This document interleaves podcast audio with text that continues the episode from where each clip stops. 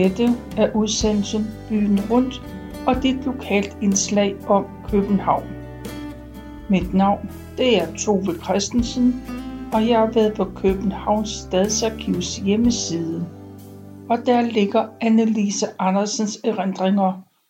Og det her, det er fjerde del. Annelise Andersen født i 1926, og hun fortæller om sin hverdag, både da de boede i Vandløse, og efter nogle år flyttede de til Sankt Hansgade på Nørrebro. Annelise Andersens far var gift to gange. Første gang i 1921 med Ellen, anden gang i 1932 med Annelise Andersens stedmor Kate.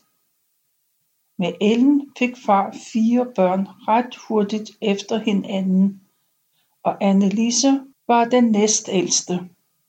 Og da Annelises mor døde, blev hendes far gift igen året efter. Det var en meget ung mor, for hun var kun 25 år og overtog fire børn, hvoraf den ældste var 8 og den yngste 3 år. Annelise kaldte Kate for mor. Kate blev hurtigt gravid og fik sit første barn i 33, og i de næste 11 år fødte hun 10 børn, hvoraf en døde. Og Annelise Andersen fortæller store og små begivenheder i sit liv. Hun skriver, I dag kan jeg da godt forstå, at det for vores mor har været en utrolig hård kamp for det daglige brød. Det var ret begrænset, hvad hun fik af penge. Det rakte hun lige til den daglige mad, og ofte knap nok det. At have pænt og rent tøj på er med til at stive en selvtillid af. Men det kluns og de klude, jeg rendte rundt i som barn, har bestemt ikke hjulpet mig ret meget. Det var meget sjældent, at vi børn fik nyt tøj. Det skete kun, når vi fik et par vanter eller en hue til jul eller fødselsdag, eller hvis familien eller andre forærede os noget nyt. Tante Britsel kom med fine lyseblå papirternede kjoler til os. Jeg tror, hun syede dem selv, for det var hun ret dygtig til. Og hos moster Lilly syede vi kjoler, og hun gik ud med os og købte tøj til os. Farmor gav os fløjelskjoler, fløjelsjakker og dejlige laksko. Men det tøj, vi gik med til dagligt, var alt sammen brugt. Sommetider kom der en pakke med tøj og sko fra en ukendt familie, der boede på Frederiksberg. Andre gange var det vores præst, der trådte til. Jeg har selv været henne hos ham og hentet en pakke med tøj. En dag kom vores præst, pastor Marius Hansen, hjem og talte med mor om en frakke til Birgit. Hun ville under ingen omstændigheder gå med den, da den havde været brugt. Men da præsten sagde, at ingen vidste, at hun fik den af ham, ville hun gerne gå med den, og hun blev ovenikøbet glad for den. Det var en sort pelsfrakke med hætte. Vi gik med undertrøje og bukser med lodden vrang, og de var enten laksefarvede eller B-farvede. Over undertrøjen havde vi et livstykke knappet i ryggen med lærredsknapper og med fire knapper til strømpebånd. Den anden ende af strømpebåndet blev knappet på et par ribstrikkede brune lange strømper. Vi havde en del bryderier i de strømper. Med tiden blev de jo slidt huller i dem, Især var der altid hul i storetåen. Da de ikke blev stoppet, måtte der jo findes en anden løsning på det problem. Ja, så trak man bare strømpen nedad, og så lavede man et ombuk ude i tæerne. Og nu kunne man jo tro, at vi selv kunne stoppe de strømper. Men vi ejede jo ikke stoppegarn til at gøre det med. Det var kun fars strømper, der blev stoppet. Så det var den smule garn, mor havde. Jeg fik noget optravlet garn, som jeg strikkede sportstrømper af, og jeg fik en pose sportstrømper af moster Astrids nabo. Af optravlet garn hæklede jeg også en hue med en lang snor, der endte i en pompon. Dertil hæklede jeg handsker med snor og kvast, og jeg strikkede også bæltvanter.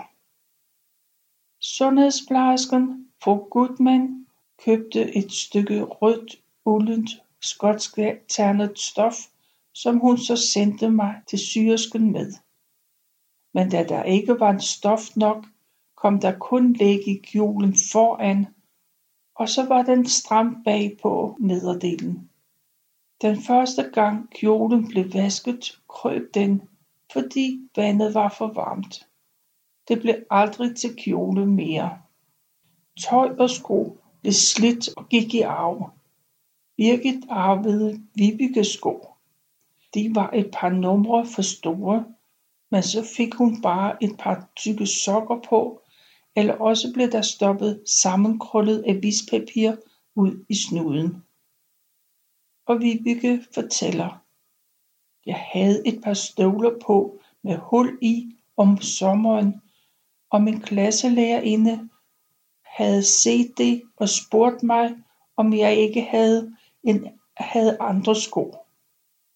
Da jeg benægtede det, kom hun med en rekvision til børnenes kontor. Så gik jeg hen til Frederikssundsvejens skole, og for sagt spurgte jeg, hvor jeg skulle henvende mig.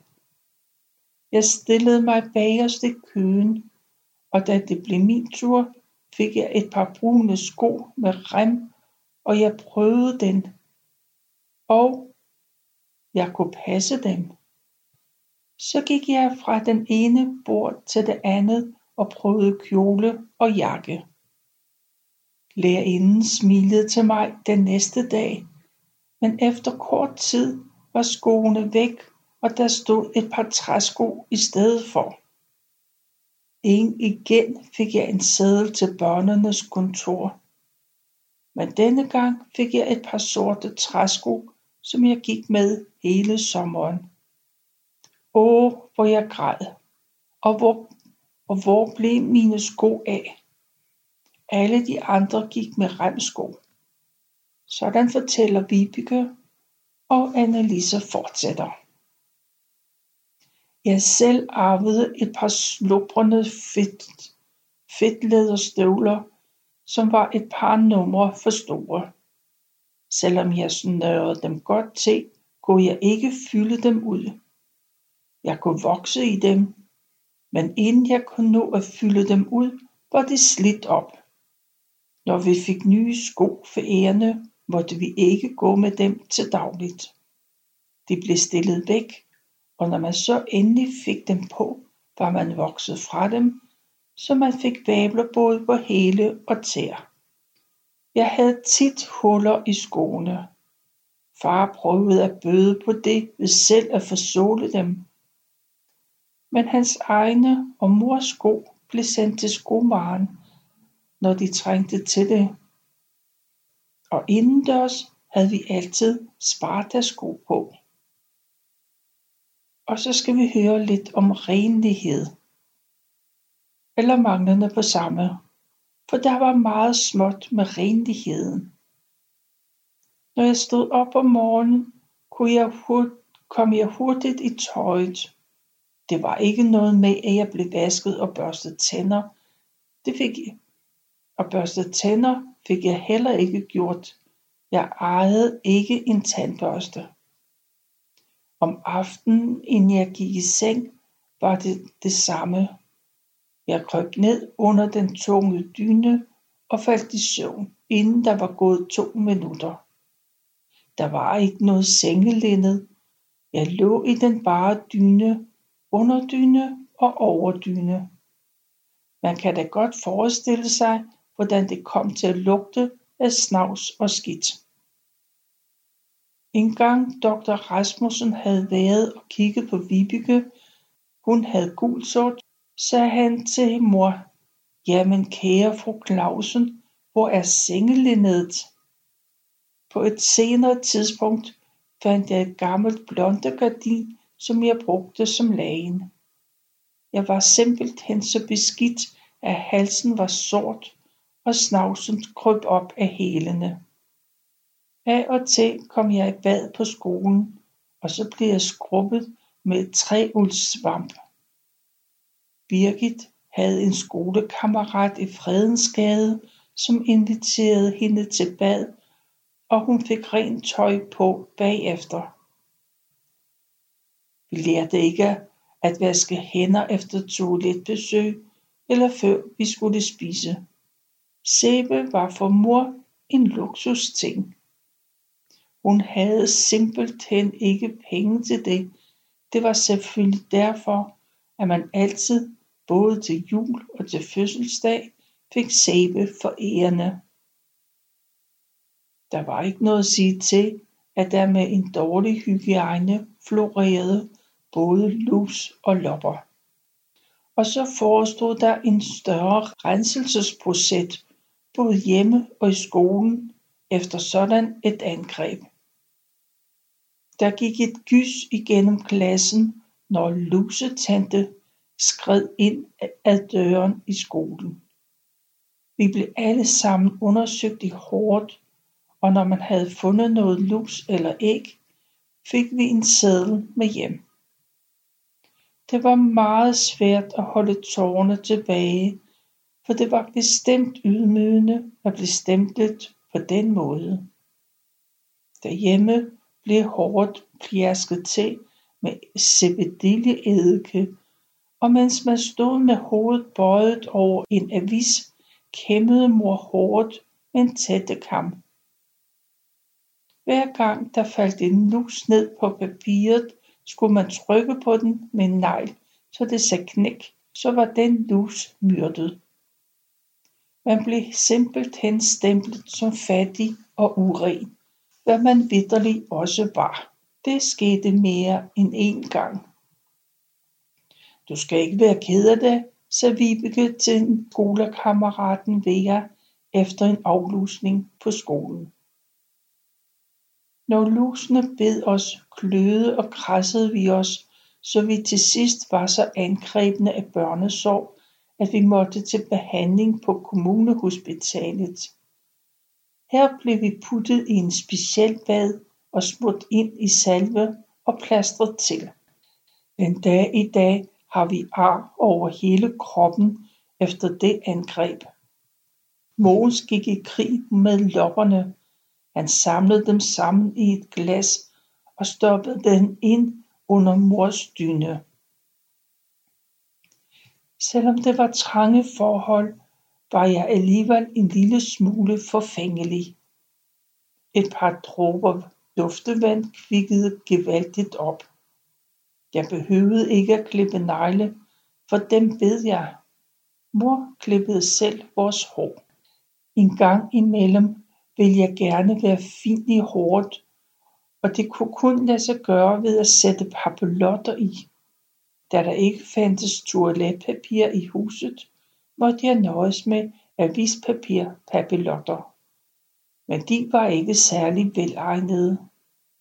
Og det var et sørgeligt resultat, der kom ud af det. Nu strittede hårdt i alle retninger, og jeg kunne dårligt nok få det ret ud. Jeg prøvede det kun én gang. Sundhedsplejersken kom mig til hjælp. Hun sendte mig til Vandløse for at blive permanentet, men ak og ve. Mit naturlige krøl kunne ikke tåle den hårde behandling, så nu blev det endnu værre. Ja, hvad må man ikke lide for skønheden? Og det varede længe, før hårdt blev normalt igen. På en bestemt dag hver måned var der stor vask. Det foregik ned i vaskekælderen i bagbygningen. Her stod baljen, hvor tøjet blev lagt i blød i sodavand aften før. På vaskedagen blev det tændt op under gruekedlen, og tøjet blev, blev kogt i persing og med en stok hivet op og slængt over i zinkbaljen og skrubbet på i brun sæbe. Derefter blev det skyllet nogle gange i koldt vand og vredet. Det hvide tøj blev dyppet i vand med blånelse, og hvis det var godt vejr, blev det hængt til tørre ude i gården, der gyngede og blafrede det i vinden, ellers blev det slæbt op på loftet til tørring. Duene blev sendt til rulning, men forinden skulle de stænkes og trækkes, og det gjaldt om at holde fast og krumme fingrene godt om tøjet, ellers smuttede det, og den, der stod i den anden ende, grinede. Det var svært, for mor havde flere kræfter end mig. Det skulle lægges pænt sammen, og derefter blev det bragt til rullekonen. Det tøj, der skulle stryges, blev stænket med vand. Strygejernene, som mor havde et par stykker af, blev taget frem, og mens mor strøg med det ene jern, stod det andet på det tændte gasapparat. Når mor tog det af, spyttede hun på en finger og nærmede den til strygeoverfladen, og hvis jernet syede, var det parat til strygning. Og så kommer vi til fødselsdage. Min fødselsdag skulle jo være min dag. Men da Birgit havde fødselsdag seks dage efter mig, og hun havde tre dage før jul, så blev de begge to altid holdt på min dag. Og vi fik altid det samme i fødselsdagsgave. Der var en gave, jeg husker især. Men da jeg havde set den stå på gulvet inde i dagligstuen, var det ikke nogen overraskelse. Jeg kunne ikke undgå det, for den var ikke pakket ind. Og da dagen oprandt, fik jeg en ny skoletaske, og den var som en af pap og lignede en lille kuffert med to smæklåse og en metalhank. Den taske var jeg meget glad for, for på det tidspunkt var den det sidste skridt i skoletasker. Mellem skolebøgerne i min nye taske havde jeg en lille dåse bolcher, og det var den mindste bolcher, man kunne få. Der var kun lige et til hver af mine kammerater, og et til hver af de lærerinder, jeg skulle have den dag. Det var nøje afmålt. Måske var der en eller to, der var syge den dag. Det håbede jeg på, for så kunne der blive et ekstra bolsje til mig. Den dag måtte jeg vælge salmevers om morgenen, og da jeg havde fødselsdag i december måned, valgte jeg en julesalme. Vores klasselærerinde læste en lille historie højt for klassen. Når jeg kom hjem fra skole, kom min veninde Edel til fødselsdag. Hun var den eneste, jeg havde inviteret, for jeg måtte kun få en med. Hun kom med en perlekrans. Mor serverede vandkakao og knækkiks. Det var kakao med mere vand end mælk, og det var kiks, der var gået i stykker, og mellem dem var der kiks med havregryn, som smagte ganske dejligt. De var købt i Irma. Edel synes, at det var alle tiders. Jeg kan ikke huske, om Birgit havde inviteret nogen. Om aftenen kom der et par stykker af familien, og jeg fik et par lange ribstrikkede strømper eller et par bukser med lodden vrang, et par vanter eller et postkort. Det var sjældent, jeg selv blev inviteret til fødselsdag. Og mens jeg gik på Nyboder skole, blev jeg ikke inviteret en eneste gang. Vibeke skulle et år til fødselsdag hos sin veninde Rita, og Birgit var også inviteret med. men desværre fik Birgit forårssyge, så hun måtte blive hjemme. Til en fødselsdag fik Vibeke en appelsin af moster Astrid, og hun fik besked om, at hun skulle dele den med os andre. Om hun gjorde det, det husker jeg ikke. Jeg indrindrer, at jeg engang fik en lille flaske parfume. Nej, jeg vil hellere kalde det duftevand. Når jeg skulle være fin, satte jeg fingeren på flaskehalsen, vendte bunden i bæret på flasken og duppede nogle dråber bag øret. Da jeg fyldte 14 år, fik jeg et armbåndsur i fødselsdagsgave af mor og far. Jeg tror bestemt, at det var en fejltagelse. Det fik man da først til sin konfirmation. Desuden fik jeg et fint undertøj og lange hvide strømper af familien. Det blev lagt til side. Det skulle først bruges om et halvt år. Det var sidste gang, jeg fik gaver af familien.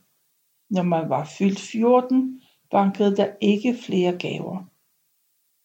Når mor eller far havde fødselsdag, blev der bagt kage, og når gæsterne kom om aftenen, blev der serveret kaffe. Det var vi aldrig med til. Vi blev simpelthen sendt i seng.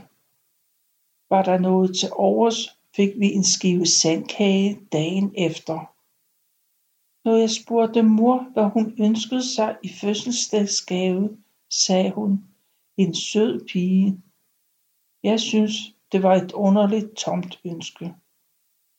Når man nu gik rundt og følte, at man havde været en sød pige, var der aldrig nogen, der fortalte en det, så det kunne da være noget så ligegyldigt. Hun vidste selvfølgelig, at jeg ingen penge havde. Derfor ønskede hun sig noget, der var gratis. Jeg ved heller ikke, hvorfor jeg spurgte, for jeg havde jo ingen penge. Vi var aldrig ude hos familien, når nogen af dem havde fødselsdag. Det var kun mor og far, der drog afsted, og af og til tog de Birgit med.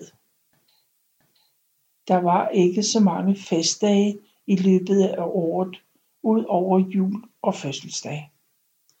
Men til fastelavn fik vi ris med slik og pynt på. Vi var engang inde i nabogården, hvor der var en stiftelse. Der slog vi katten af tønden, hvor Birgit blev kattedronning. En anden gang var vi til tøndeslagning hos moster Astrid, der boede i Nordre Frihavnsgade. Da bunden blev slået ud af tønden, og alle appelsinerne og hvad der nu ellers var i tønden, faldt ud på gulvet. Så fordrengene Vilhelm, Henning og Mogens over det, så jeg i hvert tilfælde ikke nåede at få en eftertragtet appelsin. Det havde jeg ellers glædet mig så meget til. Der var mange børn, der gik rundt ved dørene med raslebøsse og sang faste lavsange. Det måtte vi ikke for far. Han syntes, det var det samme som at tikke, og det brød han sig ikke om.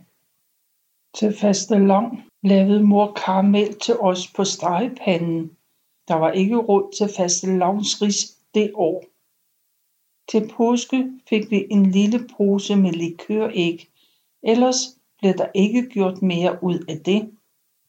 Til pinse var der ellers tradition for, at man tog på skovtur i nyt tøj, men det kendte vi ikke noget til.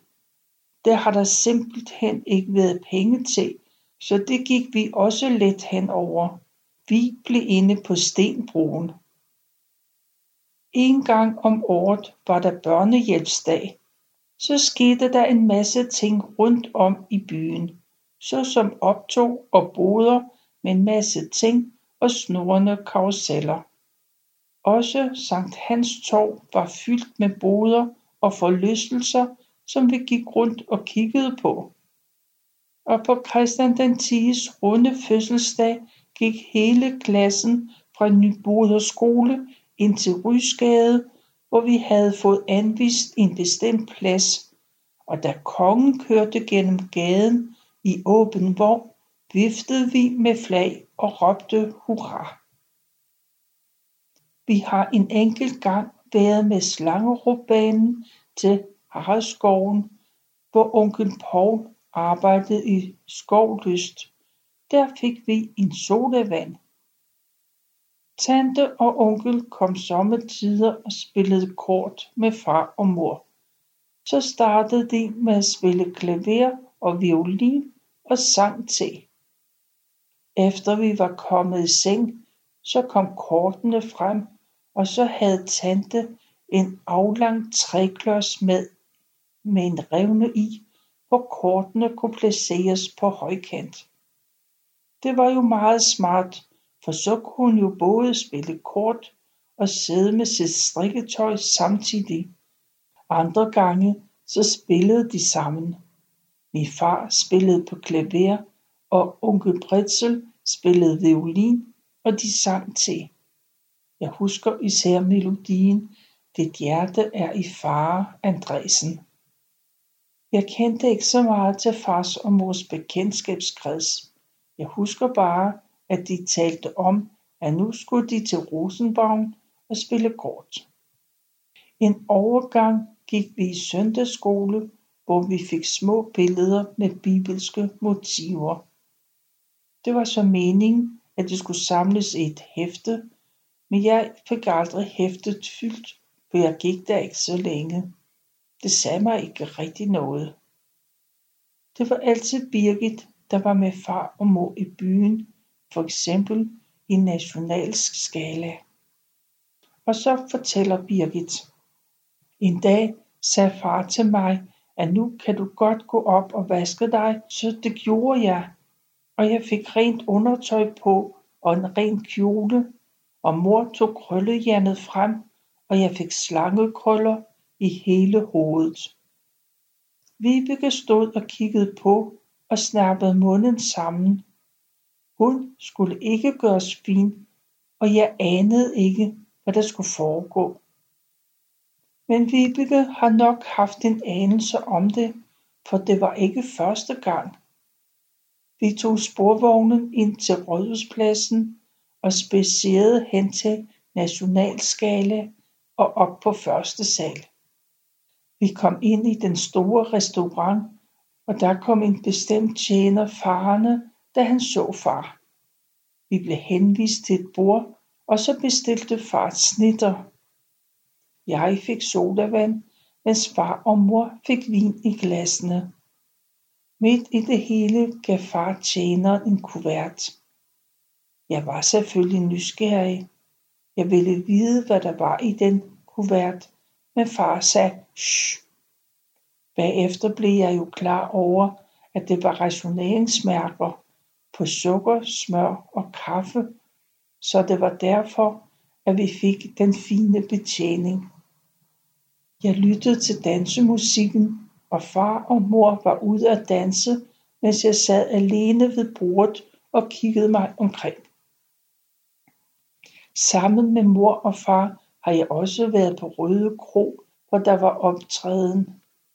Til Gretes konfirmation var jeg inviteret med, og jeg var udført en lille Spencer, som havde været Gretes.